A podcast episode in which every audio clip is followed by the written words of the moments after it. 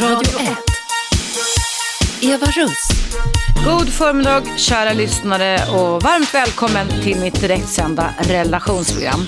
Ja, vi står inför en stundande helg och eh, vad är inte viktigare då än att vi kanske kan känna positiva förväntningar och göra saker som faktiskt om du lever i en parrelation ska, kan boosta kärleksrelationen. Det är vad jag kommer prata om idag, nämligen tio ganska enkla tips som kan boosta din lust eller din kärleksrelation. Eh, det är med anledning av att jag fick igår ett mejl ifrån Sara där det står så här. Hej Eva! Hur ska jag göra för att inte låta gnistan att falla i mitt förhållande? Frågetecken. Jag vill inte förlora det där lilla extra som man har i början. Hjälp, står det. Så då tänkte jag då att då ska jag coacha dig Sara och alla ni andra som funderar lite över detta. Ehm, men ni som lyssnar, eller du som lyssnar, är givetvis alltid som det är här på Radio 1 eftersom vi är en direktsänd radiostation och det är en åsiktsradio.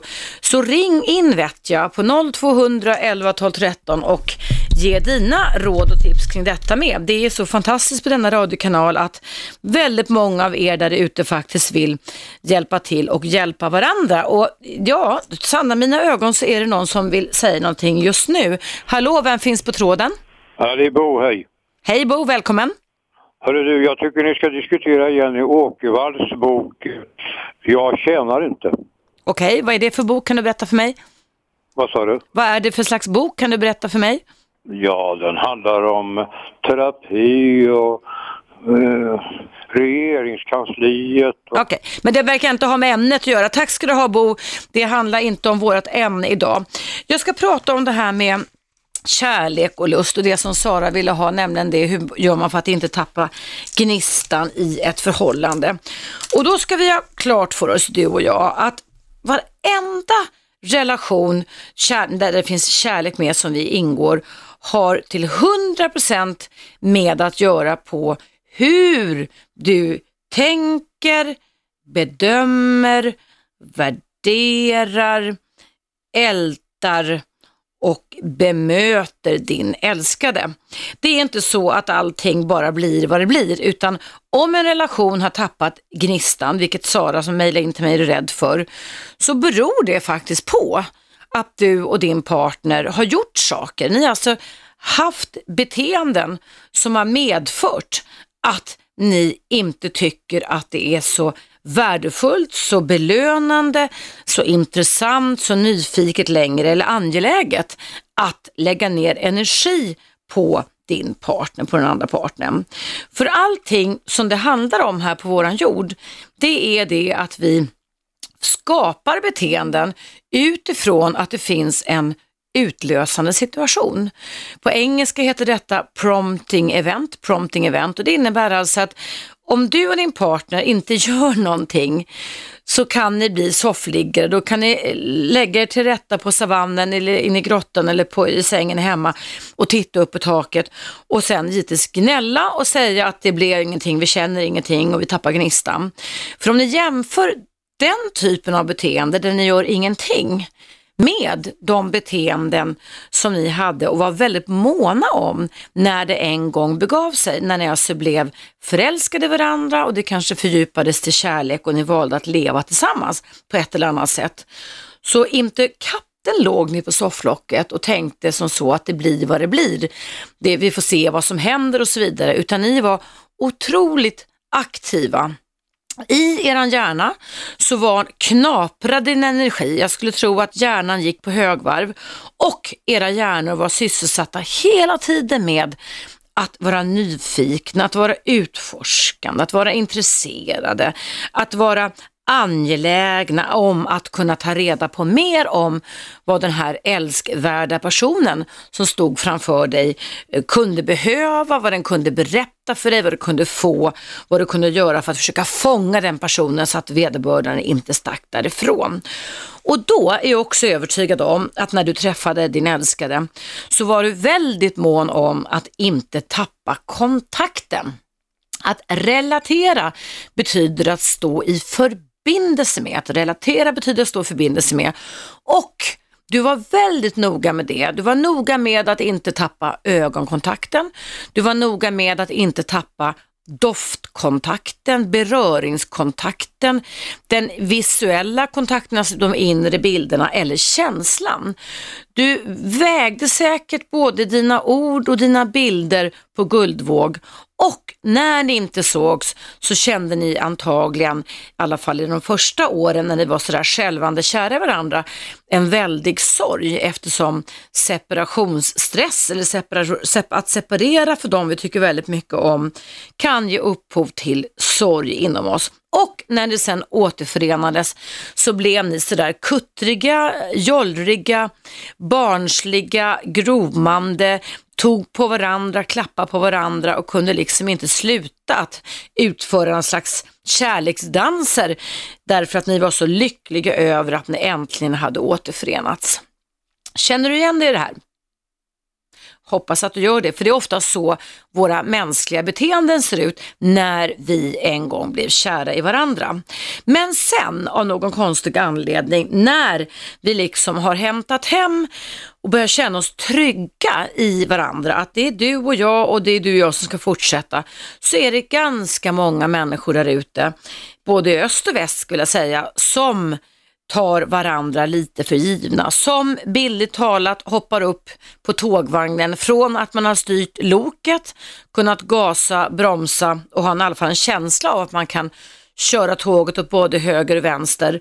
Så hoppar man in i sovvagnen eller de andra vagnarna bak och liksom hopp, tänker att nu har jag hoppat på den här relationen, nu är allting okej, okay. nu är det bara liksom att luta sig tillbaka så kommer allting ordna sig. Och det är det värsta man kan göra och det är alltså motsatsen till det som Sara efterlyser idag, nämligen den, då tappar man gnistan, då finns det faktiskt inget hopp om att man ska kunna komma tillbaka igen. Så kära lyssnare, idag så kommer jag ge dig, jag kommer alldeles strax börja med det, 10 tips utifrån min erfarenhet, utifrån forskning som kan vara värdefulla för dig och för er att testa i helgen. Ni har ju en helg framför er och de flesta av oss, kanske inte alla förstås, men är ändå lediga under helgen. Testa något tips, det behöver inte vara alla. Och eh, börja med tips nummer ett. Och tips nummer ett, det handlar om att när ni, du din älskade, ses idag eftermiddag vid lunchen eller på kvällskvisten när det kan vara.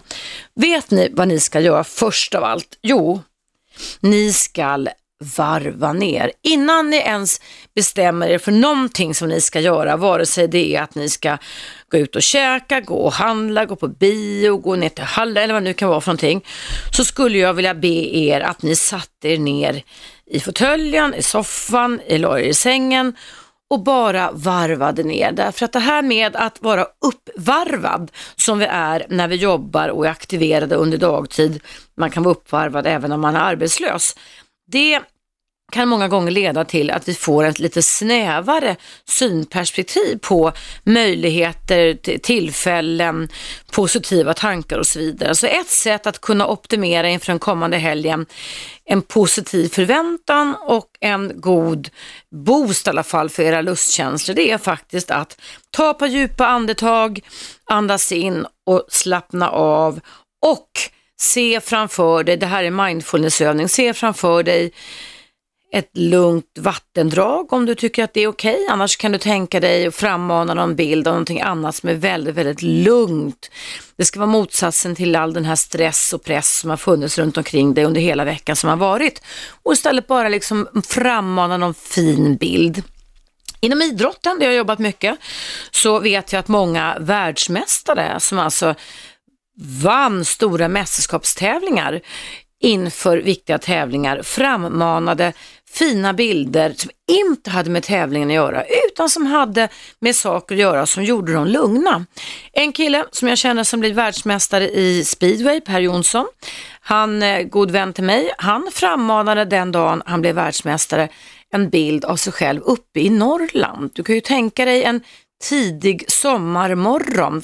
Vi har ju vackra sommarmorgnar i Sverige med en liten kärn eller en liten insjö där du sitter själv på farstukvisten. Det är tyst, det är lugnt du hör kanske lite prassel i lingon och blåbärsrisen. Dimman dansar över kärnen, över myrarna, över sjön. Du sitter med en varm kopp kaffe eller te eller choklad i handen och du känner att det är sådär stilla. Det är du härifrån till evigheten. Den bilden använde sig min gode vän Per Jonsson av som blev världsmästare speedway för i och för sig snart 20 år sedan då, men i alla fall. Det gällde alltså att hitta en trygg plats, en plats som gör att ni känner att ni får en väldigt, väldigt fin och skön balans inombords. Och det här kan ni laborera med.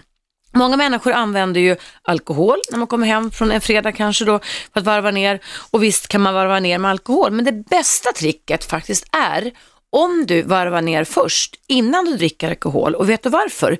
Jo, därför att du dricker faktiskt också mindre och du dricker också mer medveten, en medveten närvaro om du har kunnat dra ner på din anspänning, skippa stressen och bara vara. Och när du och din partner gjort detta, då är det dags för steg nummer två, eller tips nummer två.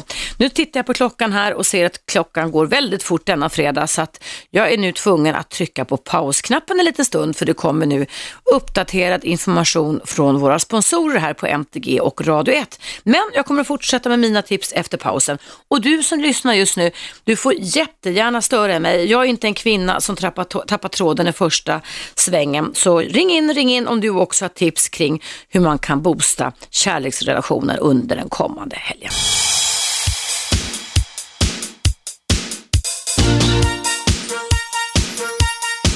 Radio 1. Eva Russ. Jajamensan, det är jag här. Det är direktsänd relationsradio och eftersom det är fredag så vill jag ge dig tips på hur du kan boosta din kärleksrelation inför den stundande helgen. Tänkte läsa upp några rader som jag har skrivit om Elisabeth och Martin. Elisabeth och Martin har varit tillsammans i nästan 40 års tid. Det är du, 40 års tid. Elisabeth är 55 och Martin är ungefär lika gammal. De har vuxna barn och flera barnbarn och de medverkade i min näst senaste bok Relationskoden som kom ut 2009. Och eh, jag frågade dem då hur de har gjort för att kunna bibehålla en varm och trygg relation för att undvika vardagsfällan och att försöka bryta vardagstristessen. Och då svarade eh, Elisabeth så här att hennes man Martin, de heter egentligen någonting annat då, men de, precis som om du vill ringa in här så kan man vara anonym så man behöver inte uppge sitt riktiga namn. Men då sa Elisabeth så här på min fråga att hennes man Martin var en mästare på att skapa goda känslor och trevliga små överraskningar. Han gav henne ofta blommor eller kom hem med presenter fortfarande då efter att de varit gifta så pass länge. Han kan överraska henne med att istället för middag hemma bjuda ut på restaurang de har alltid gjort resor utan barnen. Då var barnen var små ställde svärföräldrarna upp som barnvakter. Och numera kan de göra både korta båtturer över en helg såväl som långa resor till platser längre bort. Och så säger Elisabeth så här. Vi kan tända levande ljus och dricka vin en torsdagskväll istället för att alltid komma hem och kasta oss framför tvn. Man måste göra något för att relationen ska få fyr och vi försöker nog båda hitta på olika saker för att bryta vardagen. De pratar mycket med varandra, de berättar om hur dagen har varit och Elisabeth tycker att både hon och Martin är goda lyssnare. När de har haft problem efter 40 års relation har de alltid försökt sätta sig ner och prata om det. Citat. Vi har alltid haft en önskan om att hålla ihop och det är en otrolig tur att just vi har lyckats hitta den rätta partnern. Ja, det här är bara några axplock ur den boken, för jag kommer nu då till råd nummer två. Det första rådet, jag kommer ge dig tio tips i alla fall, eller råd hur du kan boosta din relation. Det är att ni varvar ner, skapar er en trygg plats innan ni börjar stressa, springa ut och handla, bestämma vad ni ska göra. Varva ner, hitta något sätt att varva ner på, det är råd nummer ett. Råd nummer två, det är att efter det så ska ni etablera ögonkontakt se varandra i ögonen och gör så här, dra in doften av din älskade i, i, i näsborrarna. Därför att dofter spelar väldigt, väldigt stor roll för oss människor. Faktum är att dofter är det som man säger både kom först och överger oss sist när vi en dag ska försvinna från denna jord. Dofter spelar stor roll och då är det ganska viktigt att man inte luktar alldeles för mycket svett och sådana saker. Men smaken är olika så man kan ju lukta på olika sätt. Men doften av varandra, man kan tvätta sig lite för varandra, man kan piffa till sig lite, spelar faktiskt större roll än vad du tror. Men det här med ögonkontakt är jätteviktigt. Att när ni är avspända, som tips nummer två, titta på varandra i ögonen och därifrån, som tips nummer tre, börja krama varandra. Sätt er gärna mitt emot varandra, se varandra i ögonen efter att ni varvat ner, dra in doften av varandra, håll varandra i händerna. För all typ av beröring utlöser kärlekshormonet oxytocin. oxytocin. Du kan inte utlösa det själv för det krävs att någon annan berör dig. Så du kan hålla handen, klappa kinden, krama, massera axlarna, massera armarna. Ge er själva det en liten stund så lovar jag att det kommer ske underverk med er relation i helgen. Det kanske känns ovant, det kanske känns knäppt, det känns, det känns jättelöjligt, men det här är sätt att få igång era kroppar och själar igen. För det var nämligen precis så som ni gjorde den gången då det en gång begav sig, nämligen den att ni var måna om att se varandra i ögonen, att inte tappa kontakten och när ni var separerade från varandra så mådde ni nästan fysiskt dåligt i era kroppar. Mm. Det var råd nummer tre. Sen som råd nummer, eh, nu ska vi se, en, två, tre, fy, fem blir det. Det är, och det här låter inte klokt alltså, men det här är forskning och du får gärna skratta åt detta, men lova mig du som lyssnar att du testar i helgen. Vet vad ni ska göra? Jo, ni ska ta en penna. Ta en penna och placera den mellan era läppar och titta på varandra. Ni kan gå omkring med den hemma en liten stund, inte flera timmar, det behöver ni verkligen inte göra. Prova att ta penna, jag ska ta en penna nu. Vad händer med ditt leende? Jo, du ler, du aktiverar de äkta ansiktsmuskler som har med leende att göra. Så att ta en penna mellan läpparna, aktivera ett leende.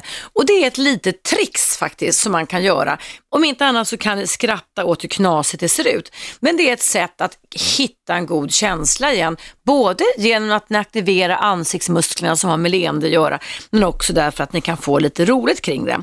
Och det kan påminna er under den kommande helgen hur viktigt det är att se varandra i ögonen, att dra in doften av varandra, att beröra varandra fysiskt och att le gentemot varandra. För leendet är också någonting som människor världen över faktiskt har utvecklat. Till och med apor har leendet. Det kan man se på olika sådana naturfilmer hur de drar upp läpparna och visar sina tänder. Och det signalerar fredlighet. Så leendet signalerar fredlighet och därför är det jätteviktigt att ni signalerar fredlighet. Och tänker på det, ni kanske ska ha en, en, en penna i, i rockfickan och sätta in den emellanåt så kommer ni att kunna påminna er själva om att ju mer ni ler, desto mer kommer ni smitta varandra med positiva tankar och känslor. Det var mitt råd kring det. Sen nästa råd som handlar om att kunna boosta din kärleksrelation det är också att ni börjar kommunicera. Och då handlar det faktiskt om att tala om. Det här, pratar alltså det här behöver inte ta så lång tid, vad ni verkligen tycker om hos varandra. För en vecka som man har levt kan ju innebära och ha medfört att det kan vara väldigt svårt att hinna med och tala om vad man tycker om varandra eftersom det är så mycket andra saker som bär bort tiden och gör det svårt att kunna hinna vara en medveten lyssnare kan man kalla det för. Och därför så tycker jag att ni ska sätta er gentemot varandra, etablera ögonkontakt, andas in doften, krama varandra, krama varandra ta en penna mellan läpparna och tala om när ni tar bort pennan då förstås, vad ni tycker om varandra. Och då pratar jag då om positiva saker. En vecka som har gått eller en månad som har gått innefattar givetvis i en parrelation både upp och nedgångar. Men ska ni ha en trevlig helg ihop så tycker jag att då är det enda som gäller det att förstärka det positiva. Förstärka det positiva och släpp det negativa. Så tala om vad ni tycker om hos varandra. Minst tre egenskaper, tre funktioner, tre attribut tycker jag att ni ska komma med. Det är viktigt det där. Och att din partner då som sitter och lyssnar på dig liksom inte säger förfasar sig och skjutsar undan det, vilket är lite jantelagsbeteende hos oss människor. Äsch och nej, va? utan titta på din partner och säg jag tycker om dig därför att du har så vackra ögon. Jag tycker om dig därför att du har varit så omtänksam mot mig under den här komna veckan. Jag tycker om dig därför att du har avhjälpt mig när jag var, kände mig stressad och så vidare. Den här övningen gjorde jag och Martin Lidberg när vi jobbade med ett program som hette Bröllopsform som gick på TV4 för fyra år sedan där vi var programledare. Och faktum är att de nio paren som behövde boosta sina parrelationer som hade varit tillsammans mellan 11 och 25 år, de fick en väldigt stor boost av att göra de här övningarna. Så det här är övningar som det faktiskt finns, ja kan man säga bevis för, tecken på att det verkligen kan funka. Jajamensan, det var Bos nummer, nu ska vi se här, det är Bos nummer en, två, tre, fyra, fem, sex var det. Tala om vad ni tycker. Då ska vi ta nummer sju här innan pausen också eftersom programmet idag handlar om hur du kan boosta din kärleksrelation med tio tips ifrån relationsexperten. Eh, vad som är oerhört viktigt och som det står om som råd nummer sju i tidningar varje dag idag skulle jag säga, det är ordet medkänsla. Medkänsla är ett ord som har blivit ett vetenskapligt belagt ord som talar om vikten av att ni människor kan tona in och liksom vara samspelta, koppla upp våra hjärnor gentemot varandra. För det är en förutsättning för att du och din partner ska kunna känna empati och sympati. Och en intonad lyhördhet är enligt alla studier det absolut finaste gåvan du kan ge din partner. Intonad lyhördhet är absolut den finaste gåvan du kan ge din partner. Och det föranleder mig att innan pausen läsa upp ett mejl från en anonym tjej som skriver så här apropå detta. Hej Eva, tack för att du finns. Jag vill fråga dig det här. När jag har personliga problem och söker stöd och tröst hos min partner hoppas jag att han ska trösta mig och ge förhoppningar och framtidstro. Istället får han hastigt och lustigt egna problem som han kontrar med... Punkt, punkt, punkt. Förhållandet handlar lite mer som att leva i lust men inte i nöd. Eftersom jag hamnat i nöd väldigt mycket mer än min partner av olika skäl börjar jag nu känna vanmakt i relationen. Jag är själv väldigt mån att trösta mina nära och kära. Hur ska jag själv få tröst? Ja, anonym kvinna, detta är exakt det jag pratar om idag. Att den finaste gåvan vi kan ge varandra i en kärleksrelation, det är medkänsla, intonad lyhördhet. Och jag ska fortsätta att ge dig råd kring detta. Men det bästa du kan göra just nu, tycker jag, du som vill vara anonym, det är att be din partner lyssna på det här programmet på Radio 1 i repris ikväll. Klockan 90 varje, 19 varje vardagkväll så kommer mitt program i sin helhet. Det är två timmar, det är repris på 101,9. Du kan också lyssna via webben och där kan din partner faktiskt få eh, lära sig lite mer om vad han ska göra. Men du får gärna ringa in och även du som lyssnar och har andra saker som har med det här att hitta lusten och bryta vardagsfällan, vardagstristessen. Ring in och avbryt mig vet jag. Numret är 0200 11 12 13. Efter pausen kommer jag fortsätta att prata om hur man kan göra för att kunna bli medvetet närvarande i en kärleksrelation. Nu däremot är det dags för en nyhetsuppdatering. Du lyssnar på Radio 1 och mitt program som heter Eva Russ.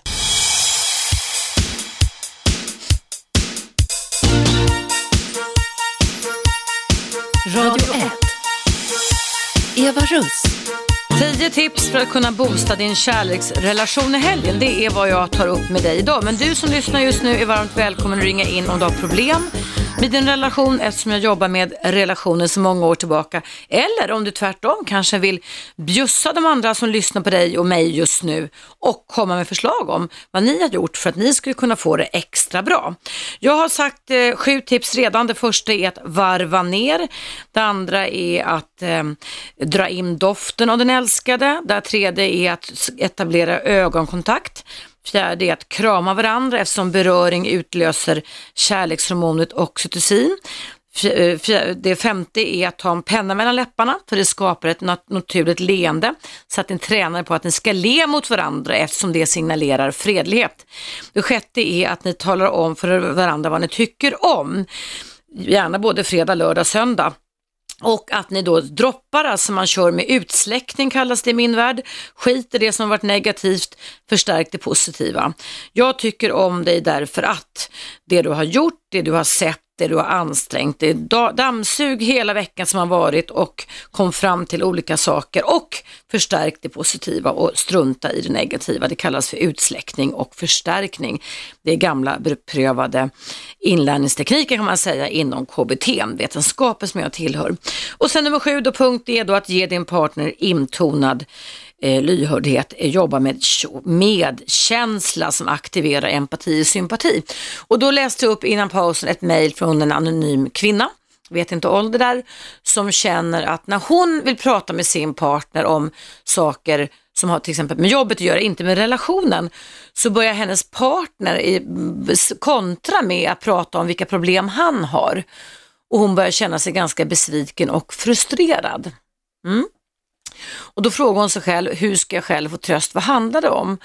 Ja, jag tycker att det är en sak eh, till dig som har mejlat mig då, att det är en sak som du faktiskt bör ta upp med din partner. Du bör beskriva den här situationen och säga att när, varje gång jag vill prata med dig om hur, någonting som har hänt eller hur jag tänker eller hur jag mår så kontrar du med att eh, svara och så ska du beskriva, inte säga vad du tycker om det annat än att känna att du känner dig besviken. Men du ska berätta om vad som sker inom dig. Hur du tänker, alltså känslor. Vilka negativa känslor känner du då? Jag kan tänka mig, föreställa mig att det kan vara frustrerad, besviken, nedstämd, deppad. Ja, du kan säkert hitta massa andra typer av känslor. Och sug på de beskrivningarna och få din partner, om du etablerar ögonkontakt, att ta in vad du säger. Det kan ju faktiskt vara så, du skrev så här, vad handlar det om? Ja, jag vet ju inte eftersom jag inte träffat er, men många gånger så kan sådana här beteenden ha sin orsak i att han inte vet vad han ska göra helt enkelt. Bristande färdigheter helt enkelt. Han vet inte hur han ska bete sig din partner och då svarar han blixtsnabbt med att kontra med någonting annat. Det här är ju det som är själva utmaningen om man ska leva en parrelation, att vi får jobba med vår anpassningsförmåga och öva in flexibla beteenden. Så att eh, ta det som en utmaning relaterat till det här programmet idag eftersom jag pratar om 10 tips som kan boosta relationen i helgen. Och eh, stå på det helt enkelt där. Öva honom till att ställa följdfrågor. Han kanske inte vet vad han ska göra helt enkelt. Jag tycker att det är det enklaste sättet att försöka liksom få honom till att mm, träna sig helt enkelt på att ställa följdfrågor. Jag ska berätta om ett annat par i min bok, Cecilia och Lennart, som har levt ihop i väldigt, väldigt många år också. De, om det kan hjälpa till i alla fall så skriver de så här i min näst senaste bok, Relationskoden, den finns som pocket numera, men i alla fall då skriver Cecilia så här, eller berättar Cecilia så här hur hon och hennes man gör för att bryta vardagstristessen och kunna jobba med att kunna tona in varandra. Så det här med kommunikation, eftersom det var det som du som anonym frågade mig om. Då skriver Cecilia så här, eller berättar, att de pratar, alltså hon och hennes partner pratar enormt mycket med varandra och att de kan sitta i flera timmar efter maten på fredagskvällen och bara prata om veckan som har gått. De pratar om, och lyssna nu, vad de tänker och de pratar om vad de känner och de pratar om vad de drömmer om. Eller också så gör de upp gemensamma framtidsplaner.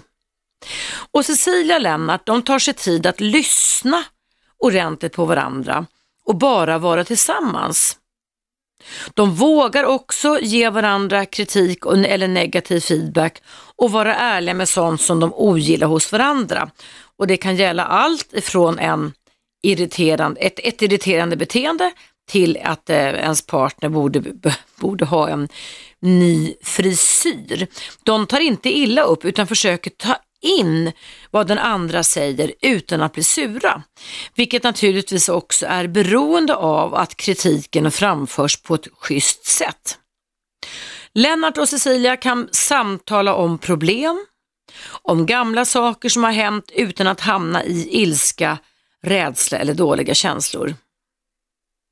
Och Cecilia beskriver för mig det som att de har samma inställning hon och hennes partner till livet.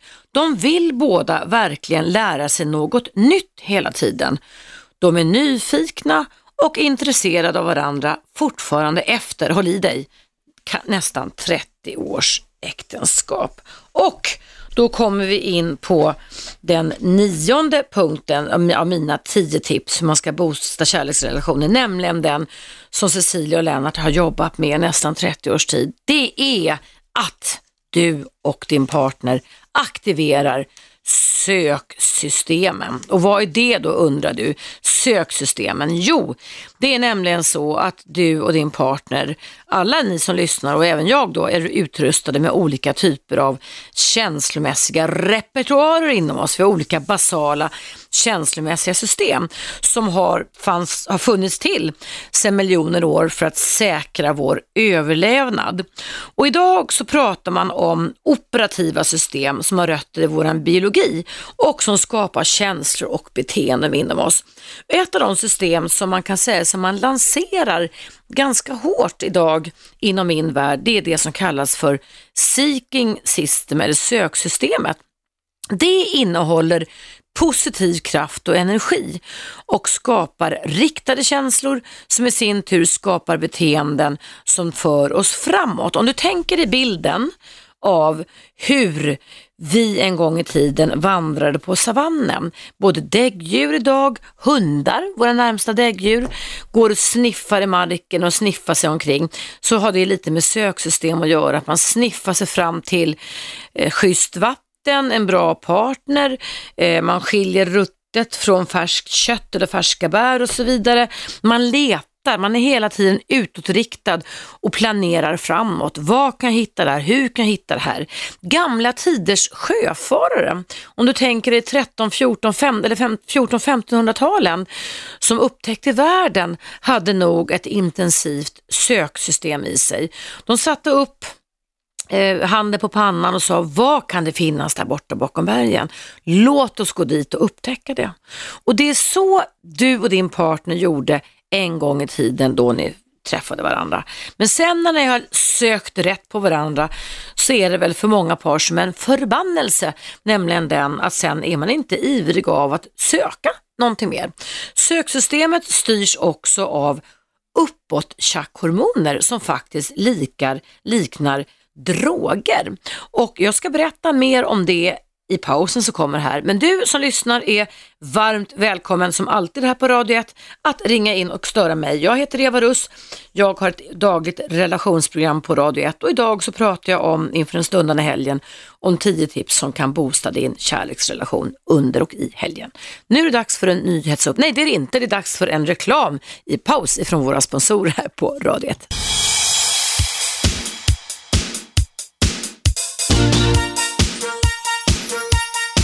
Radio 1. Eva Russ. Välkomna tillbaka. Ja, idag så ger jag dig som lyssnar tio tips på hur du kan faktiskt jobba med att boosta din kärleksrelation. Eh, inte bara nu i helgen i och för sig, men nu är det fredag då så jag tänkte jag kunde ta upp det då. Och det här med söksystemet, det är alltså någonting som forskarna, det är punkt nummer nio då, att man är nyfikna på varandra, någonting som ger uppåt hormoner som skapar alltså en skärpning i hjärnan. Man har sett att strukturerna i hjärnan när vi är förälskade, när då du och din partner en gång var det i alla fall, så är det väldigt mycket dopamin. Det är alltså hjärnans belöningssystem. Det finns ett system som heter nucleus accumbens inne i hjärnan. Där dopamin, duscharna, förser oss med de goda känslorna och uppåt Och det kan då aktiveras genom att man fortsätter att vara nyfikna, sniffa sig fram, inte lägger sig till ro eller sätter sig längst bak i tågvagnen utan att man istället säger vänta, vänta, vad kan jag hitta här? Vad kan jag upptäcka här bakom knuten? Vad kan, hur kan jag se med min partner på nya, med nya ögon igen idag och så vidare. Och jag ska bara läsa upp några rader igen ifrån min bok Relationskoden. Jag jobbade med tv-programmet Bröllopsform där nio gifta par fick hjälp av mig och Martin Lidberg att komma i form mentalt och fysiskt. Ett par, det här var fyra år sedan på TV4, men ett par hade hamnat i vardagsfällan. De hade det trist och tråkigt och gick omkring och surade. Ett annat par var arbetskamrater. Ett tredje par hade tappat sexlusten. Ett annat par hade nästan helt slutat att umgås och kommunicera med varandra trots att de då var relativt nygifta. De åt inte på samma tider och samtalade knappt alls med varandra. Många av de här paren, det var nio stycken, hade utvecklat slentrianmässiga beteenden gentemot varandra. Där nyckelordet var att inte relatera till varandra, alltså att inte stå och förbindelse med varandra. Och då jag lärde känna de här paren så började varje möte med att de fick ta fram sina gamla bröllopsfoton och berätta vilka tankar, vilka känslor och minnen som det här väckte. Och det var väldigt tydligt hur de här paren beskrev sin bröllopsdag med positiva och energigivande känslor. Det var glädje, eller var ord som glädje, lycka, lycka, kärlek, äventyr, passion och glöd. De berättade att de minsann då hade gemensamma intressen och att de tyckte att det var kul att göra saker tillsammans. När vi sen gick tillbaka hur relationen var just då, innan vi började jobba tillsammans, så ändrade de både kroppsspråk och röstklang och började istället liksom visa känslor som hade med, ja, just frustration, ledsamhet, ilska, irritation, uppgivenhet och trötthet att göra. Men när, när vi väl var klara med att jobba med de här personerna två månaders tid, och då är det ungefär vad den tiden det tar när man jobbar till exempel i en psykoterapi med kognitiv inriktning. Psykodynamisk och annan terapi kan ta längre tid. Men med KBT-inriktning så är snittbehandlingstiden, om man inte pratar om personlighetsstörningar, ungefär två månader, tio gånger, tio, tolv gånger, sånt där. i alla fall när jag har jobbat med det. Så var det faktiskt att aktivera söksystemen igen och det är egentligen det som alla får hjälp med när man går till familjerådgivning, när man går till familjeterapeuter, nämligen att se på varandra igen med nyfikenhet. Alltså att, att börja kavla upp armarna igen och vara nyfikna på varandra igen. Och det är alltså tips nummer nio då för hur du ska kunna boosta din kärleksrelation. Börja vara nyfikna på varandra igen. Vässa hjärnan på vägen hem från jobbet idag och fråga dig själv så här, hur ska jag, nu ska jag utforska min partner på ett helt annat sätt. Nu ska jag ställa frågor, jag ska titta på honom eller henne på ett speciellt sätt här och se om jag kan få någon ny information. Jag ska relatera till min partner på ett annat sätt, jag ska göra andra saker och se om det kan bli någon annan respons. För det gäller ju då att försöka Eh, komma igång igen med det här systemet. Om ni lyckas med det så kan jag lova att det även kommer hända saker i hjärnan. För kärleken och lustens och passionens heta känslor, de sitter faktiskt i hjärnan och de aktiveras beroende på hur du och din partner relaterar till varandra. Alltså utlösande situation, tycker jag bra eller dåligt om en partner? Om du liksom blir uppgiven, eh, känner dig frustrerad, säger nej jag orkar inte va? Då får du resultat utifrån det. Då får du känslor och tankar och negativa förväntningar. Om du däremot kavlar upp armarna och säger nu ska vi göra någonting nytt den här helgen. Nu ska vi skita i det här som har varit och nu ska vi bara försöka bara vara i nuet och vara nyfikna så kan jag lova er att ni kommer att känna en helt annan typ av känsla i kroppen. Och det är också en sak som har med söksystemet att göra, att eh, glöm det som har varit, alltså förstärk det positiva, släck ut det gamla och bara vara. Det är medveten närvaro, att bara vara. Bara vara i nuet. Planera inte tio år framöver. Stressa inte upp er med och tänk på vad ni måste göra nästa vecka. För alla måsten och alla borden stryper verkligen alla typer av känslor. Måsten och borden stryper känslor. Så var bara i nuet. Ta en timme sänder, en kväll i sänder och gör roliga saker till med varandra så ska ni se att ni kommer få resultat som är fantastiska i jämförelse mot att ni bara gör ingenting eller sätter er längst bak i tågvagnen och hoppas eller säger så här, ah, det blir som det blir.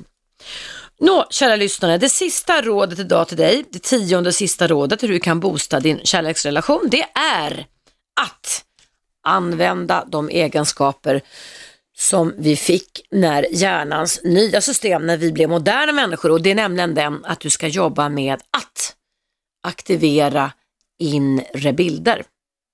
Att du ska jobba med att visualisera. På vägen från jobbet redan nu kan du börja med blunda, dagdrömma, tänk på din partner. Skaffa dig fantasibilder, tänk tillbaka på roliga ställen, fantisera sex och så vidare. För även sexlusten startar faktiskt i hjärnan. Så tänk på roliga saker, tänk på det hetaste samlaget du haft, tänk på det mest romantiska eh, minnesbilden du har kring olika saker. Och gå och tänk på det ofta, som om du kan nynna på en liten sång till exempel. Så tänk på det. Och det är ju gratis när man sitter och föreställer sig saker. Det tar inte så mycket tid, du kan till och med kanske utföra vissa av dina arbetsrelaterade sysslor ändå. Men tänk på din partner, visualisera och visualisera då inte de dåliga sakerna utan visualisera hur det en gång kändes när du träffade din partner, hur du tänkte, vilken bild, hur såg han och hon ut, vilka känslor det aktiverade kroppen, vilka slutsatser du drog, hur du tänkte om din partner, vilka drömmar du hade då, vilka långsiktiga mål du hade då, vilka framsteg ni gjorde tillsammans, vilka roliga saker ni gjorde tillsammans, hur ni gjorde för att kunna behålla kontakten med varandra och inte tappa kontakten med varandra. Allt det här ska du och din partner som tionde rådet visualisera, ni ska frammana det. Och när ni, eller om ni börjar med punkt ett, som jag sa till dig idag, nämligen den att varva ner innan ni dricker alkohol, som vi i Sverige verkar göra väldigt mycket på helgen i alla fall, även om vi börjat få lite mer kontinentala varor, vanor, så kan du även där visualisera, när du hittat din trygga plats, så kan du även där visualisera goda minnen, alltså gå ner i din minnesbank, episodiska minnet, känslominnet och leta efter de här smultronställena som du och din partner har haft genom åren. Och tänk dig tillbaka till dem som om du är där igen. Och där kan du också boosta dina inre bilder genom att försöka frammana bilden, tanken, känslan, doften du kände just då, smaken. Allt det här och hörsel också. Så att få med alla dina fem sinnen. Jag repeterar, doften som du förknippar med det här goda minnet på din partner, smaken, bilden, känslan i kroppen och var den goda känslan satt och hörseln. Alltså var det hörde vad ni sa till varandra, vilka vänliga ord. Och om du sen går in och aktiverar det här om och om, om igen så kan jag nästan garantera att du och din partner har ökat chanserna avsevärt till att aktivera era söksystem och det handlar om att ni hamnar rätt känslomässig balans inför den kommande helgen och när ni sen återser varandra om ni inte jobbar tillsammans idag så har ni laddat er själva med en mängd positiva föreställningar och förväntningar som kommer att vägleda er mot oanade höjder. Och då tror jag att allting kommer gå automatiskt, att ni behöver inte tänka en massa måsten och borden utan om ni aktiverar er på det här sättet så kommer det att bli kanonbra. Och innan det blir nyhetsuppdatering här och jag öppnar upp för friåkning här på Radio 1 så vill jag bara snabbt repetera råden. Men du som är nytillkommen lyssnare kan alltså lyssna i efterhand på Radio 1 frekvensen 101,9 klockan 19 och kväll varje vardag sänds mitt program Eva Russ i repris. 10 tips för att boosta din kärleksrelation är 1. Varva ner innan du företar någonting. Förflytta dig till en skön och harmonisk plats. 2. Dra in doften av din älskade. 3. Etablera ögonkontakt. Se varandra djupt ner i ögonen. 4. Krama varandra, berör varandra, sitt gentemot varandra och eh, få igång oxytocinutsöndringen. 5. Ta en penna mellan läpparna för det skapar ett naturligt leende så ni kan träna er på att ni ska visa fredlighet mot varandra under den kommande helgen. Eh, 6. Tala om vad ni tycker om hos varandra, minst tre saker varje dag. Förstärk det positiva och utsläck det negativa och bestämmer för att bara vara. Skit i det som har varit och skit i framtiden. Bara var nu i helgen. Nummer sju, ge din partner intonad lyhördhet, medkänsla, öva dig på att utforska, ställa frågor. Det är det finaste du kan ge din partner. Eh, åtta, eh, Eh, öva dig på att bara leva i nuet. 9. Eh, var nyfiken. Sök, aktivera söksystemen som ger uppåttjack, hormonerna dopamin och endorfiner. Och nummer 10. Visualisera varandra allt vad ni kan. Och det är gratis, det kostar ingenting, det kan gå på en millisekund. Men det kan göra underverk i era förväntningar, föreställningar och beteenden och känslor. Jajamensan, det var 10 tips för att boosta kärleksrelationen. Nu är det dags för en nyhetsuppdatering här på Radio 1. Du lyssnar på mig, på Eva Rust, på frekvensen 101,9. Nu är det en timme kvar på mitt direktsända relationsprogram. Ring in och ställ frågor som har med relationen att göra. Det är friåkning. Jag försöker svara och hjälpa dig allt vad jag kan kring det som har med relationer, sex, samlevnad och även kanske psykisk hälsa eller ohälsa. Numret, ja det är dags att repetera det känner jag nu. Det är 0200 11 12 13. Men först ska vi lyssna på en nyhetsuppdatering på Radio 1.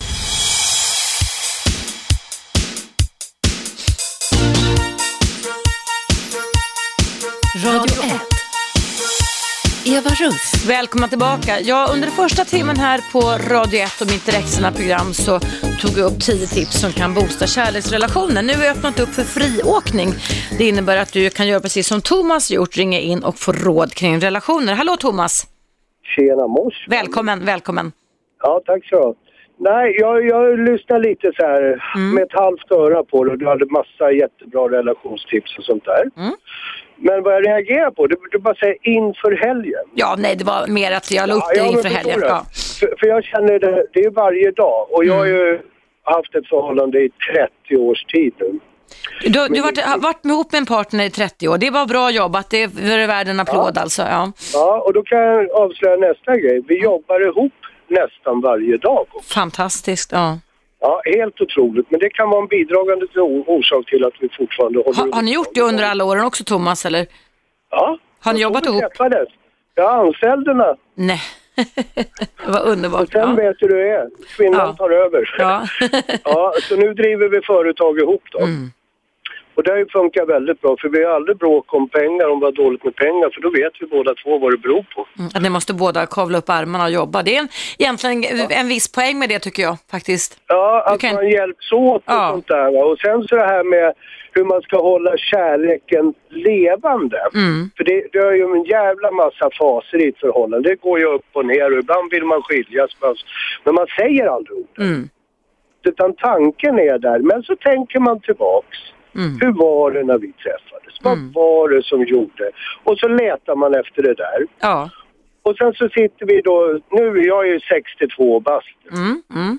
och, och hon är 49. Mm. Vi har hållit ihop i, 13, i 30 år, då kan du räkna ut. Ja, fantastiskt alltså. Då var, då var hon 19 alltså när ni träffades då eller? Ja, ungefär. Vi träffades lite tidigare men ja. det tog ett par år innan vi förstod någonting. Ja, fantastiskt alltså. Hade du haft några, och du, du är 13 år äldre än henne, han jag ja. hörde dig säga. Har det ja. varit något problem tycker du? Nej, i omgivningen. Hur då? Ja, det är åldersskillnad, du vet, det funkar ju inte och du, andra tänk och... Men det är som jag säger, ålder, det är en siffra. Det, Mm, det mm. gör ju inte hur du tänker och hur du fungerar. Nej, nej, nej, nej. Men tre, 13 år idag, Thomas, är ju eh, ingenting egentligen. Idag så har vi ju, jag menar, vi har ju min kollega här på radion, han har 27 års skillnad, Gert, Ja, med sin fru. Ja. Och han har en, en, en pigg man på 67, det måste jag säga, liksom hans fru Tanja är det på 40 liksom. Så att 13 år är inte så stor skillnad, men det är klart, du var väl mer färdig människa då när du träffade henne i och med att hon var då nästan alltså, tonåring om man säger så. Ja. jag var ju ett av de här kräken som levde i ett förhållande och hade Jaså, barn. Jaså, du hade det då alltså? Ja. Ja, det hade jag då, men eh, i och för sig när, man, när jag klev in i det första förhållandet, det andra förhållandet, Mm. då, då kände jag att ja, men det här stämmer nog inte, men hon blev väl ganska snabbt med barn. Just det. Mm. Ja, och då lever man ju kvar i tron att man ska kunna fixa det där. Och det, det, att- det, det, det, är moraliskt fint satsat tycker jag. Så ska man göra om man kan alltså. Ja. Ja, och det försökte jag i det längsta. Mm. Och, men sen känner jag att ja, men det idag är vi väldigt bra vänner den kvinnan och jag. Va? Så Mm. Vad skönt. Det är inga problem. Hur, hur många barn fick ni Thomas då, du är din första partner? Ja, ett barn. Ett barn. Har du barn med din 30-åriga ja, kvinna? Då. Ja, då, jag har tre barn med henne och så har vi nu två barnbarn också. Nej, vad grattis, vad roligt. Ja, det, det är skitkul. Mm. det är riktigt kul. Men just det här med att du säger att man ska eh, ta på varandra och, och varje dag, Mm. varje kväll, ja, även fast vi har varit osams och det stänker om det och hon har kastat tallrikar vad du vill på mig och Mm. sånt där. Va? Eh, så när jag går och lägger mig, för jag är en sån här människa, jag, jag vill sitta uppe ett tag och varva ner och lösa korsord och hålla hjärnan i form. Mm, det är bra, det är bra. Det är bra tekniker du säger faktiskt. Mm. Ja, och då sitter jag i min ensamhet fram till så här tolvblecket på natten och löser hon har gått upp och lagt sig. Mm. Och varje gång när jag kryper ner i den där sängen, då klappar jag henne på axeln och så säger jag godnatt, Mm. jag älskar dig. Förstår du? Och, och varje Jättebra. dag, och, och jag försöker hålla upp det där med att vi ska kramas, men det är ju så här, förhållandet går ju över i, i något som jag, jag brukar säga så här, hon är ju även min bästa vän. Va? Ja. Det, jag har ingen bättre vän än min fru. Mm. Sen har jag hur många vänner som helst va? men den bästa vännen det är min fru. Mm. Mm. För henne ska jag kunna öppna mig för helt och gråta inför och ta allting som sker med vardagen. Och vi, även fast vi har barn som är vuxna och flyttar hemifrån som har egna barn så är det våra barn och vi oroar oss för dem hela resan. Mm. Mm. Och vi sitter och diskuterar och hjälper till. Men sen har vi en grej som vi har börjat nu på äldre dagar. Ja. Jag, jag lyckades att bota hennes flygrädsla. Nej, hur gjorde du då Thomas? Jo, hon älskar ju Bruce Springsteen då, förutom mig. Va? Mm. Och då ville hon se Bruce Springsteen.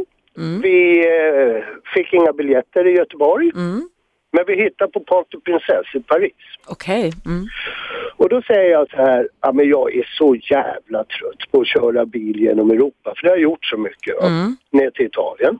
Eh, så att ska du se Brucean, då är det så att då flyger vi. Mm. Men du får beställa biljetterna själv. Wow. Det var hårda bud, men bra bud Thomas. Ja, och, och sen så ska jag då, eftersom jag spakar lite Cessna själv med jämna mellanrum, Mm. så ska jag förklara för dig hela resan vad som sker. Mm. Alla ljud och knäpp och om det vibrerar lite och sånt där. Mm. Och hon fick beställa resan och vi åker ut på Arlanda och hon fick ett glas vin där uppe när vi satt och väntade för att lugna nerverna. Mm. Och, och sen efter den Parisresan Mm. har det gått hur jävla bra som helst för henne att flyga. För nu vet hon vad det betyder. Just det. Hon har utmanat sin rädsla istället för att avhålla sig från att göra det. Mm. beteende va. Mm. Och, och det tycker jag är bra för då, då, då, och samtidigt, hon tycker starten är fortfarande lite läskig men det är Mm. ingen fara. Mm. Eh, och då har vi börjat med så här att för att hålla våran kärlek brinnande då, om man ska säga så, Mm. så reser vi fem, sex gånger om året Mm. eh, någonstans till ett sydligt land eller till staterna.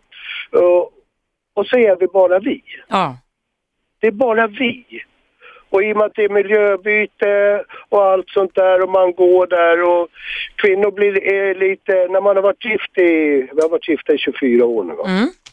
Och så när de blir lite äldre, de blir lite mer såhär, ja det kommer folk, vi kan inte gå och krama om varandra här på gatan. Mm. Men går vi i Rom, romantikens eh, största stad och vi går där vid Colosseum eller vid Fontana di Trevi. Ja. Då går vi och håller om varandra. Åh, vad härligt. Som nyförälskade igen, eller hur? Ja, ungefär. Och vi Underbart. kan stå och pussas på gatan och, och jag är 62 bast. Va? Det var ju som, men vi har gjort det en gång här i Stockholm och det, det var ganska kul.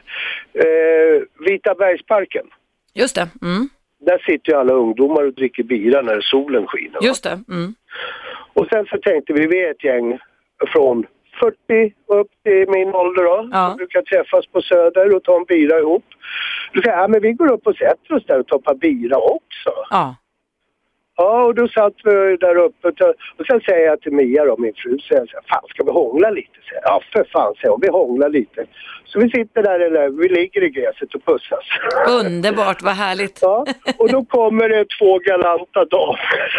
Det här var så jävla kul. Och tycker att åh det där är förfärligt, ungjävlarna ligger här och håller på och jävla hånglar. Och då sätter jag mig upp och då ser de att det är en gammal gubbe. Då blev de tvärtysta. Ja, det förstår jag. Vilket underbart exempel. Mer av sånt, Thomas, det må jag då säga, eller hur? Man ska våga. Ja, jag alltid ja. tänka tillbaks när man var tonåring, det här lilla pirret i Ja. kroppen. Man pussar. Varför kan man inte göra Ja, det som ja. äldre? Men då kände du igen det i mina råd, Thomas, också, att det här att, att det aktiverar såna här pirrande känslor om man gör på det sättet, eller hur? Ja, exakt. Alltså, Mm. Det är så jävla bra råd så det finns inte. Men jag tycker att folk ska ju anamma allt det här. Ja. För att i dagens läge har man så jävla bråttom att skilja sig. Man Mm. letar fel på sin partner. Ja, ja. Jag håller helt och hållet med dig. Mm. Ut och leta fel på en partner, ja men då ska man inte ha något förhållande. Nej, nej. Utan man ska ta fram det bästa. Sen får man ta med att ja, det är någon sida som kanske inte är så jävla bra. Men för mig är det bra. Det största hela är att allt är perfekt för mig va? och jag är nöjd med det jag har. Mm. Ja, ja. Jag, alltså, jag är så nöjd i den här tillvaron så jag, behöver inte då springa ut och leta och Nej, jampa. nej, nej.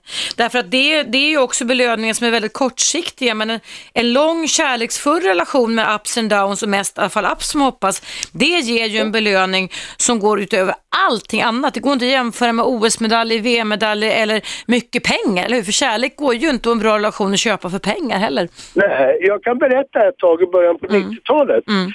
Vi kör ju eget inom eh, ja, hantverksyrken. Ja, ja. Då var det ju sån här lågperiod, fanns inga jobb. Mm. Och, eh, egenföretagare, du har inga skyddsnät va? Det finns Nej, jag vet, jag själv det också. Så att, mm. Ja, och, och man hankar sig fram där. Vi hade inte råd att åka bil utan när vi skulle åka eh, bussen, då lurade vi med oss en tom barnvagn. Nej. För då, då åker man gratis. Ja. Skitbra sätt va.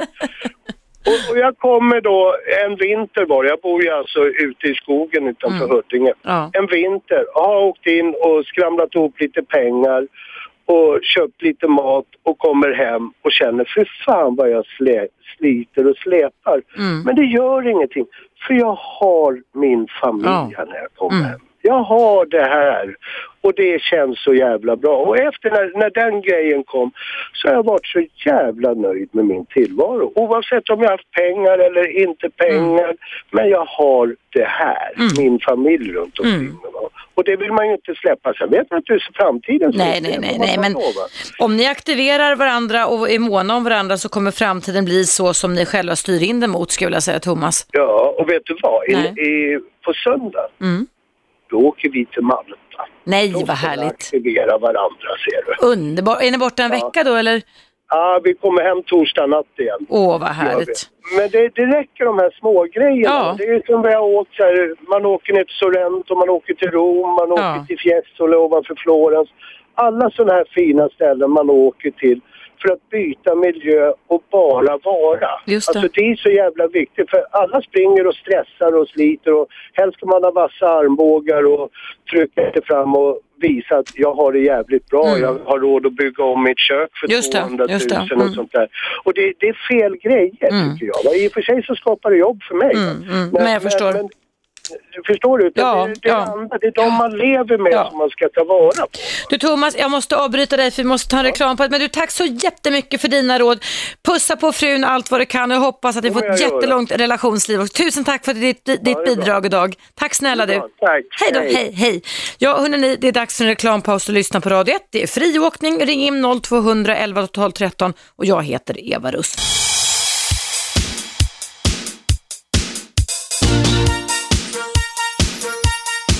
Radio 1. Eva Russ. Välkomna tillbaka och än en gång tack Thomas för dina fantastiska råd och din relationsberättelse om hur du har boostat kärleken med din fru i nästan 30 års tid. Om du är nytillkommen lyssnare och vill höra Thomas berättelse så är även mina första tio tips.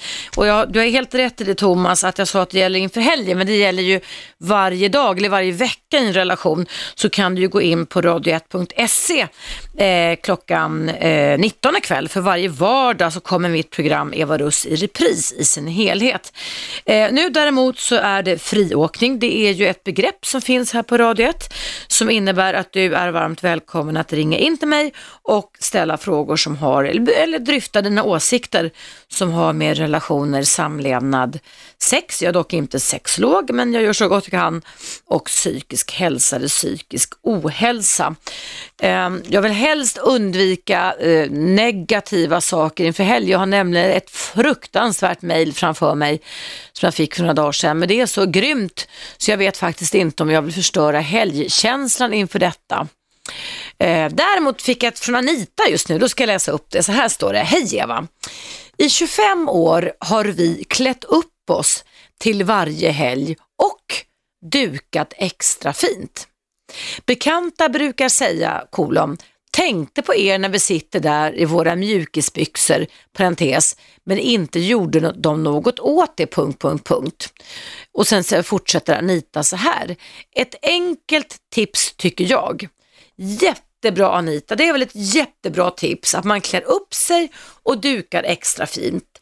Och det här eh, föranleder mig också till att ta upp någonting som jag i min näst senaste bok, eh, Relationskoden, hade som sista kapitel, nämligen den här att det gäller att vi värnar om och skapar attraktiva beteende för varandra.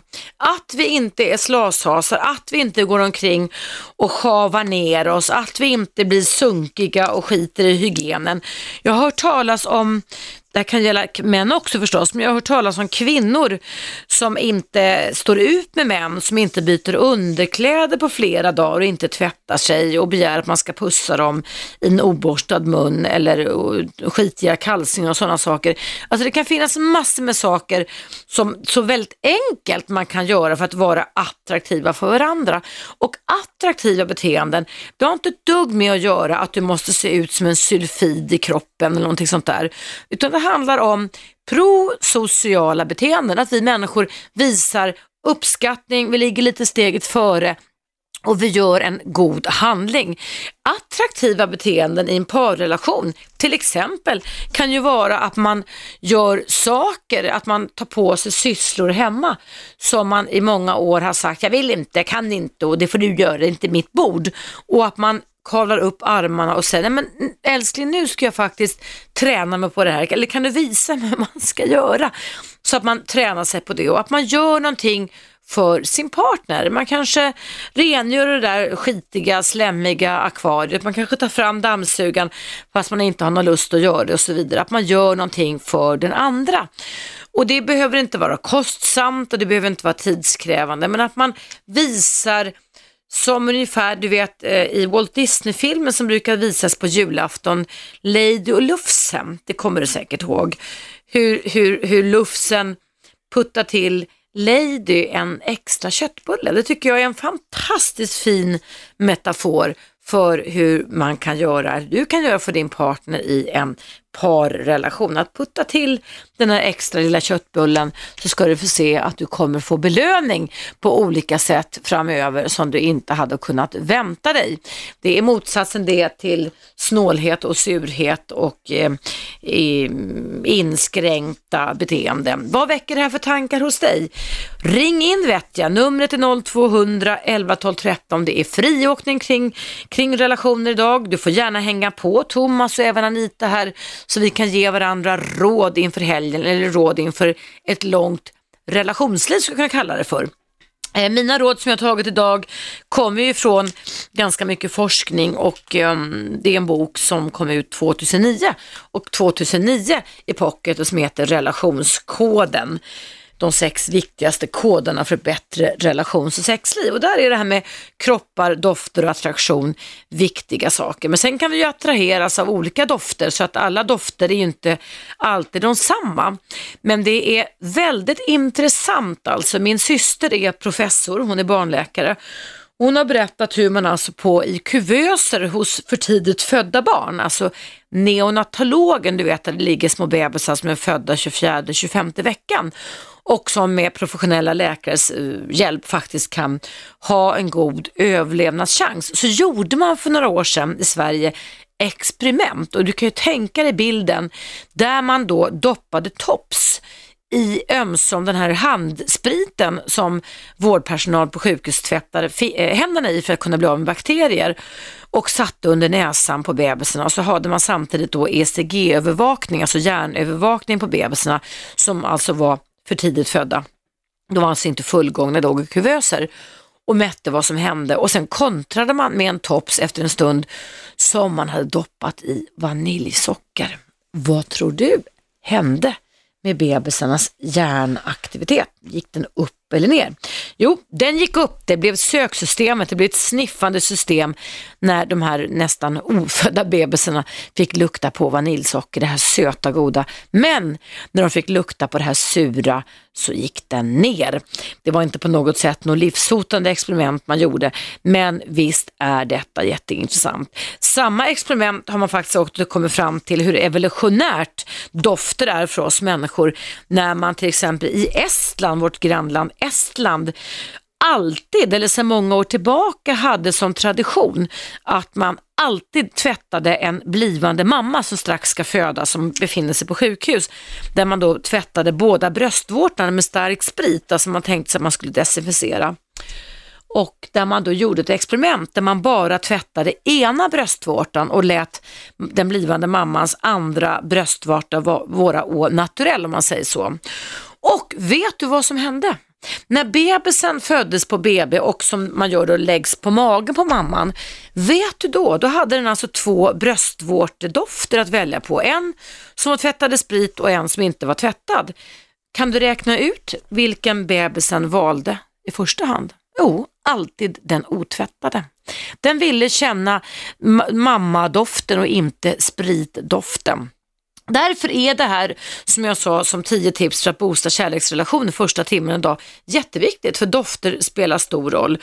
Tänk på det du när du ska krama den älskade. Det kanske till och med är så att du får bättra på det lite, men det betyder inte, jag pratar inte om BMI eller andra saker, men jag pratar om både dofter, kroppar och attraktiva beteenden. Hörrni, det är dags för en nyhetsuppdatering. Du lyssnar på Radio 1. Jag hör på mig själv att jag är fortfarande förkyld. Det var en jäkla förkylning att hänga sig fast här. Ehm, det ska ju tydligen komma sol i helgen, fan vet säger jag, men just nu ser det inte ut som det när man tittar ut genom fönstret. Ehm, jag ska ta och eh, åtgärda med lite nässpray ehm, nu i pausen så kommer det här. Men du kan fortfarande ringa in till mig och numret är 0200 11 12 13 eller göra som många väljer att göra, mejla in till mig här i studion och då är mejladressen eva radio1 snabel a gmail.com. Och jag är legitimerad psykolog och legitimerad kognitiv psykoterapeut och relationsexpert på Aftonbladet sedan tio år tillbaka och här på Radio 1 sedan två år tillbaka. Så jag ska lova att jag gör mitt bästa för att försöka hjälpa er att boosta era kärleksrelationer. Vi hörs efter pausen som kommer här.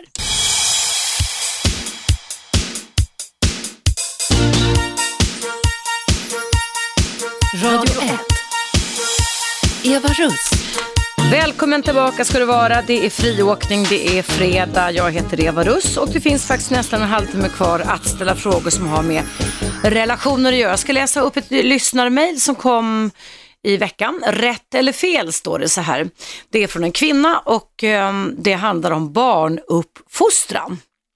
Det är ju friåkning, det är ett begrepp här på Radio 1 och då kan samtalsämnena bölja, men det bör ha att göra med psykologi, relationer och sådana saker om man mejlar eller ringer mig i alla fall. Jag är ju här varje vardag mellan 10 och 12. Men nu ska jag tillbaka till lyssnarmejlet, alltså frågan är rätt eller fel. Och då skriver kvinnan så här, jag bor i en liten by och det är många som vill lägga sig i och vet bäst. Jag ska förklara. När min äldsta son var cirka 11 år hade han en kanin. Som alla barn gör tröttnade han på att sköta den. Jag bad honom flertal gånger att städa buren och han svarade att det skulle han göra sen. Till slut blev jag irriterad och tog en liten barnhink, fyllde den med jord och lite vatten, hällde det i hans säng. På kvällen när han skulle lägga sig sa han, Mamma, det är gegga i min säng. Och jag svarade, säger mamman då, att det gör väl inget, det kan vi ta bort en annan dag. Tio minuter senare kom han igen och sa att han inte kunde sova i gegga. Och då sa jag som mamman då att kaninen får ju sova i smuts. Då ville han städa buren och det fick han. När han hade städat buren och jag hade bytt sängkläderna sa jag till och sen försvann någonting på mejlet här, varma hälsningar så. Mm. Ja, rätt eller fel? Ja, det är ju redan gjort, gjort är gjort. Men ibland kan det ju faktiskt vara bra inom rimliga gränser när orden inte räcker, att man får tillgripa handling. Den här eh, åtgärden, learning by doing skulle jag kalla det för, tillgrep jag faktiskt när ett av mina barn, det var min dotter som är en vuxen kvinna nu, och mamman själv. Eh, och hon var inte svår på spriten ska jag säga och jag hade inte mycket alkohol hemma heller när mina barn växte upp. Men när min dotter, jag, jag såg, hon var 15-årsåldern kanske 15-16, när jag såg under några veckors tid hur en flaska martini som jag hade köpt på någon sån här resa utomlands bara blev mindre och mindre i flaskan. Va? Så jag kunde liksom räkna ut själv att min dotter snattade då eh, alkohol, förmodligen för att göra någon slags häxbrygd som man kanske gör då när man är tonåringar och ska ut och ha skoj. Och jag gick och grunnade länge och sen så var det nästan ingenting kvar i den där flaskan och jag gick och tänkte, hur ska jag lösa det här? På vilket sätt ska det här bli en inlärningssituation för henne? Och jag gjorde ungefär som du som mejlade in här. Ehm, jag tog faktiskt en kväll när hon var ute, tog den här nästan tomma flaskan eh, och la den under hennes täcke i sängen. Och sen så skrev jag en lapp ovanpå som jag satte fast på flaskan och så skrev jag så här. Var vänlig, fyll på det som du har tagit hälsningar mamma. Så den första som hände när hon då kom hem på natten, på kvällskvisten där och skulle lägga sig i sin säng, det var att den här nästan tomma flaskan med martini låg i hennes säng. Och hon var ju då så pass ung, hon kunde inte gå på Systembolaget och köpa sig en ny flaska martini. Och då kom hon som ett spjut tidig morgon dagen därpå och sa mamma, mamma, förlåt, det var inte meningen och förlåt, det var inte meningen. Och jag förstod ju det här, va, att det här gick ju inte. Sen kommer inte jag riktigt ihåg hur vi gjorde, om det var så att jag inhiberade veckopengen, någonting sånt där. Va? Jag tror att jag gjorde någonting sånt där, för jag tycker det ska ändå kännas på något sätt. Men det blev ju någon form av lärdom och det får mig faktiskt osökt till att komma på en annan sån här learning by doing som jag gjorde med mina två pojkar när de var små. För då hade de, precis som du som har mejlat mig, sagt det att alla andra har en hund och vi har ingen hund och snälla mamma kan vi inte skaffa oss en hund och så vidare. Och då, eh, eh jag vill också en hund i och för sig, så då skaffade jag 1994 en svart fin hund som fick namnet Claudia. Och det var en flatcoat retriever, du vet en svart golden retriever, ganska ovanliga då, nu är de mer vanliga. Och då hade vi ett schema för mina barn var i mellanstadieåldern så att med tre ungar hemma så skulle man då kunna hjälpas åt så att hunden inte var kissnödig. Men du som har haft hund och haft ungar vet ju om att det är en sak att orden säger mamma, mamma, vi lovar att vi ska sköta hunden och en annan är då hur mycket man gör det. Och det ledde då till att jag kom hem från mitt dåvarande jobb och blev fly förbannad över att hunden hade kissat på sig hemma. Och jag då frågade, det här var mina två pojkar då, som en var, har ni inte gått ut med Claudia? Så fick jag som svar då att man hade inte tid och sen och ska bara göra klart och så vidare. Och jag försökte förgäves, förgäves få dem att begripa att hunden fattar inte det. Alltså det går inte att säga till hunden, du får hålla den en liten stund, för när hunden är kissnödig och måste uträtta sina behov, då måste man gå ut. Till och med när hunden går och hämtar kopplet så är det ett tecken på att grabbar, nu måste jag gå ut och få uträtta mina behov. Men det var liksom tji, det gick inte med med ord att få mina pojkar att förstå det här. Och då kom jag på också en sån här learning by doing snilleblixt. Och håll i det nu, det här är verkligen inte, jag ska inte säga att man ska göra så, men då gjorde vi så en helg när mina barn var lediga att jag skojade och sa så här, nu ska vi göra samma sak som ni gör mot Claudia, nämligen den att nu ska ni vistas på era rum hela dagen. Um, och de tyckte det, jag tror inte ens de gick i mellanstadiet, det var nog lågstadiet. Så jag sa, okej, okay, och när ni blir kissnödiga, då måste ni be mig om lov. Och när de då sa att de var kissnödiga så sa jag, nej ni får vänta en stund till, det går inte, jag är upptagen med någonting annat. Och mina pojkar blev jättebekymrade, men mamma, mamma, vi måste gå på toaletten. Nej, så jag, det är precis så här som ni gör med Claudia. Ni säger till henne, hon förstår ju inte ens människospråk, att hon ska hålla sig, att hon ska hålla sig en stund till. Nu får ni känna er precis som ni gör med våran hund. Och det här höll ju inte i sig hela dagen, men det där learning by doing ledde faktiskt till sen att de skärpte till sig. Att de alltså genom att de fick uppleva det själva så lärde de sig hur de skulle göra, eller inte göra rättare sagt, för att möta hundens behov. Ehm, ja, ibland kan man ju som förälder vara ganska fantasirik, så att uppenbarligen är det så i alla fall som svar till dig som la gegga i i din sons, 11-åriga sons säng som var, motsvarade den geggan som hans kanin fick uppleva. Så ibland kan det givetvis vara så att det finns inte så många andra sätt att göra det här på än att göra det så att man verkligen känner att så här är det det upplevs, alltså jobba med empatin. Så här känns det faktiskt, medkänslan också, när du inte gör som jag säger. Det här blir konsekvenserna när du inte gör som jag säger. Okej, vad väcker det här för tankar hos dig? Det är friåkning idag. Jag läste upp ett lyssnarmail om en kvinna som hade lagt gegga i sängen för att pojken skulle känna igen geggan som han utsatte kaninen för. Kaniner har jag också haft, kan jag säga, jag har väl haft som alla andra föräldrar, alla handa husdjur ifrån vandrande pinnar till reptiler och så vidare. Nej, reptiler har vi inte haft, men vi har haft en kanin när jag jobbade med den första Big, Bra Big Brother här i Sverige som gick av stapeln. Jag jobbade med castingen till första och andra Big Brother och fick en kanin från en kaninhoppningstävling man hade där inne. Då var Adam Alsing programledare under många års tid och vi döpte denna kanin till Little Adam. Och eh, då pratade mina tre barn om att mamma, mamma, åh vilken gullig vi är, en kanin, vi har alla haft en kanin, det kan vi inte få. Det var en jättesöt vädurskanin. Men, jag säger bara men, akta er för kaniner. Denna kanin älskade nämligen sladdar. Jag hade hunden Claudia då jämte henne då, så vi tyckte liksom att de skulle bli goda vänner. Men denna kanin bajsade små pelletskulor på golvet. Var man än gick så låg det små pelletskulor av kaninskit och den la sig överallt och tuggade sönder vårt elsystem.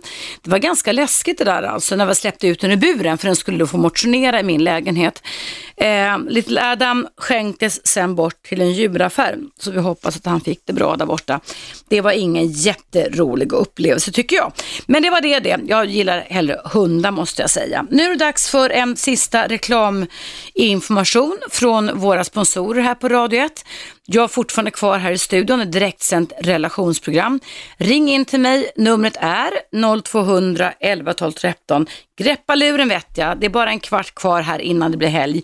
Och ställ frågor eller berätta någonting roligt ifrån kanske dina husdjursberättelser. 0200 11 12 13. Vi hörs efter pausen på Radio 1 som kommer här.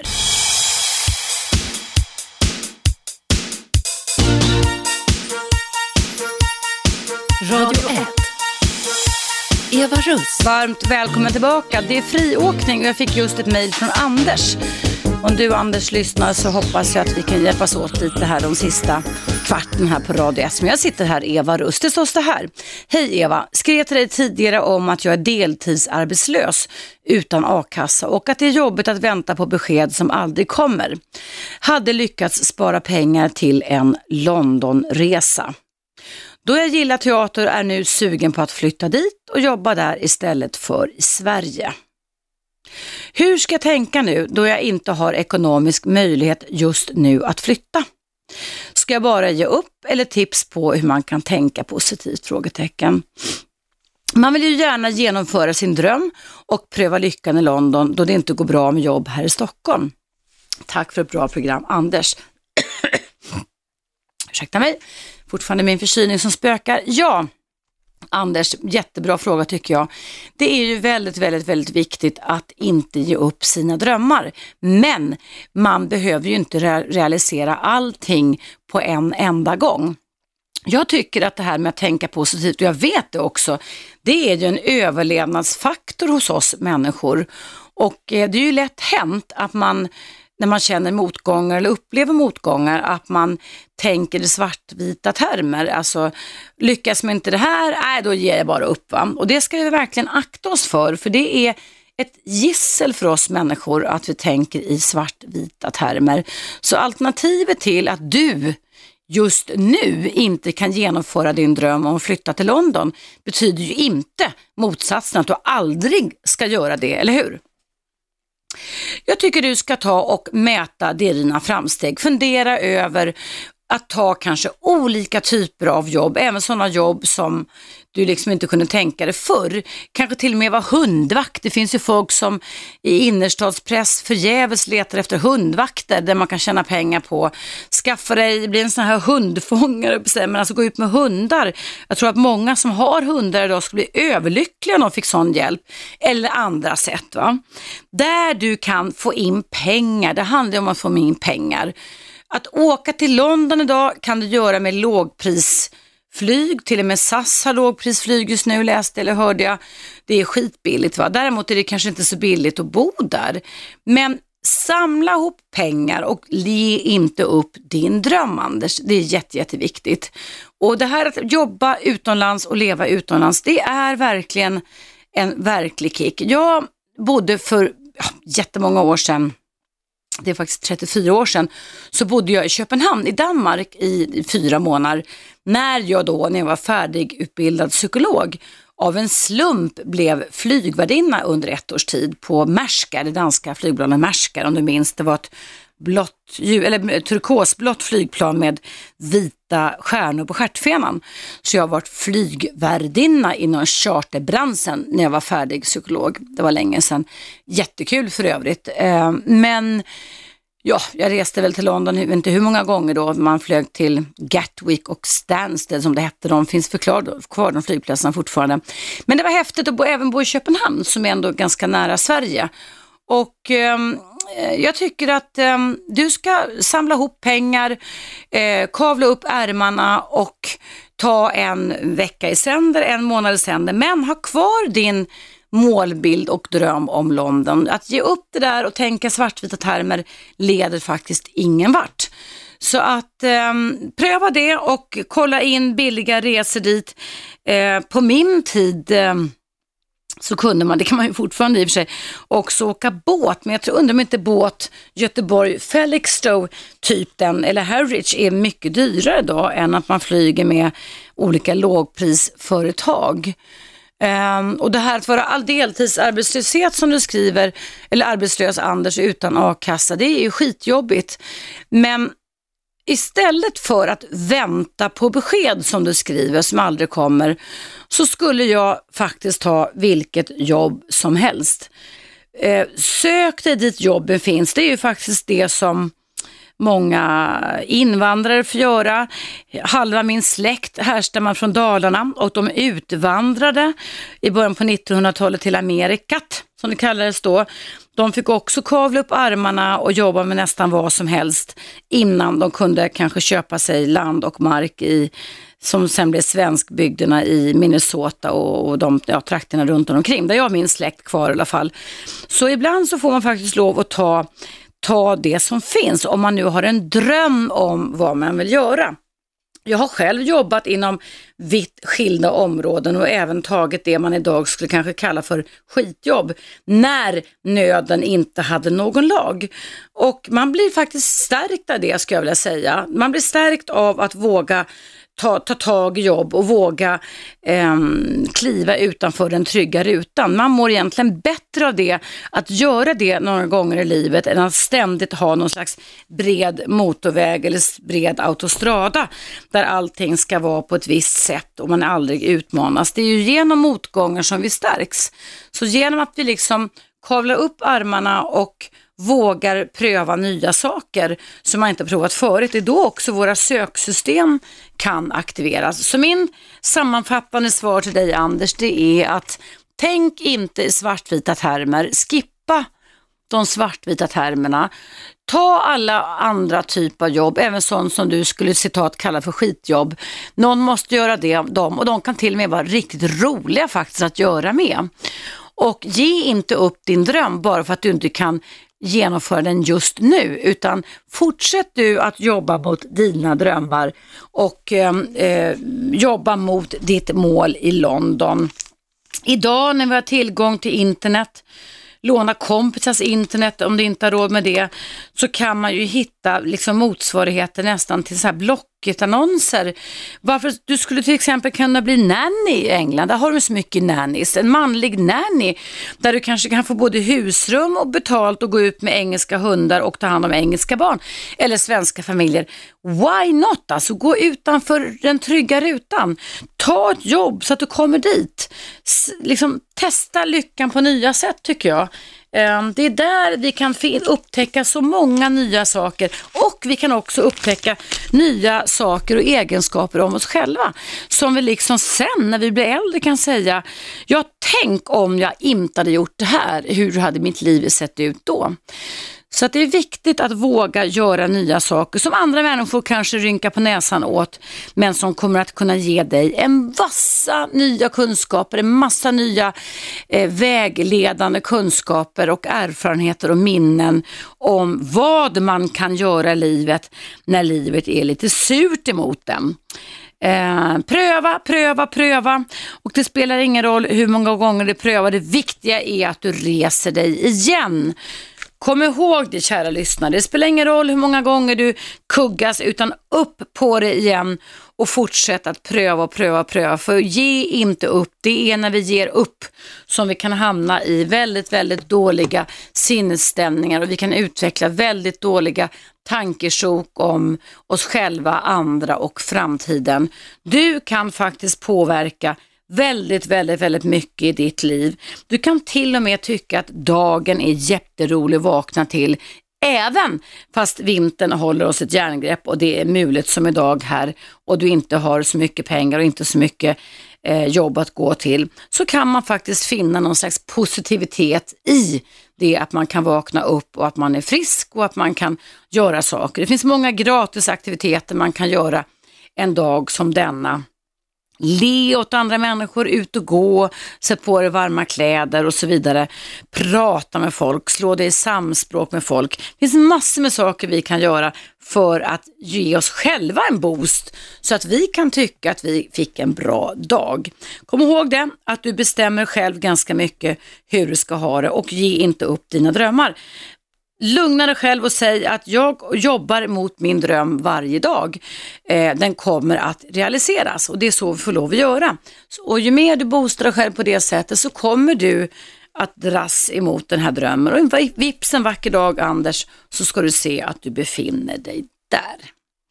Ja, kära lyssnare, det var en lång harang av mig det. Eh, nu är det dags för mig att slå igen butiken här på Radio 1. Om du vill lyssna på mitt program i sin helhet så kan du göra det på det ikväll klockan 19.00 på frekvensen 101,9. Och första timmen idag har jag, Eva Russ, pratat om och gett råd om tio sätt som du kan boosta din kärleksrelation på och de bygger på beprövad eh, eh, evolutionskunskap och eh, relationskunskap också. Sen har det varit friåkning andra timmen. Det är inte så många som har ringt in idag, men jag tackar ändå för de, ni som ringde in, Thomas bland annat här som gav oss tips om och bra bilder om hur man faktiskt kan få en relation på 30 års tid att funka bra. Ut och res, gör många roliga saker tillsammans och var gulliga mot varandra. Dagdröm om varandra var bland annat det som du Thomas sa. Ja, hörni, jag önskar er alla en jättetrevlig helg och vi får verkligen hoppas på att vårvärmen kommer. Vi behövs verkligen nu. Jag känner mig ganska frusen och lätt förkyld fortfarande. Jag skickar en stor varm kram till er alla där ute och alldeles strax efter mig här på radiot så kommer Best of Aschberg och sen klockan ett idag så kommer som alltid här på radiot eftersom tablån ser ut så Cissi Wallin hit. Hon kör då rakt över disk mellan klockan 13 och 15. Klockan 15 kommer Aschberg och Shabbe hit till fram till klockan 18 och klockan, mellan klockan 18 och 19 så kommer Sportvärlden med Johan Kinnmark in. Och sen kommer som sagt vara mitt program Eva Russ i repris klockan 19 kväll. Så ni har mycket att se fram emot även en dag som denna. Stor varm kram till er, ha en jättetrevlig helg och jag hoppas på återhörande nästa vecka igen. Hej då och tack för mig. 101,9 Radio 1 Sveriges nya pratradio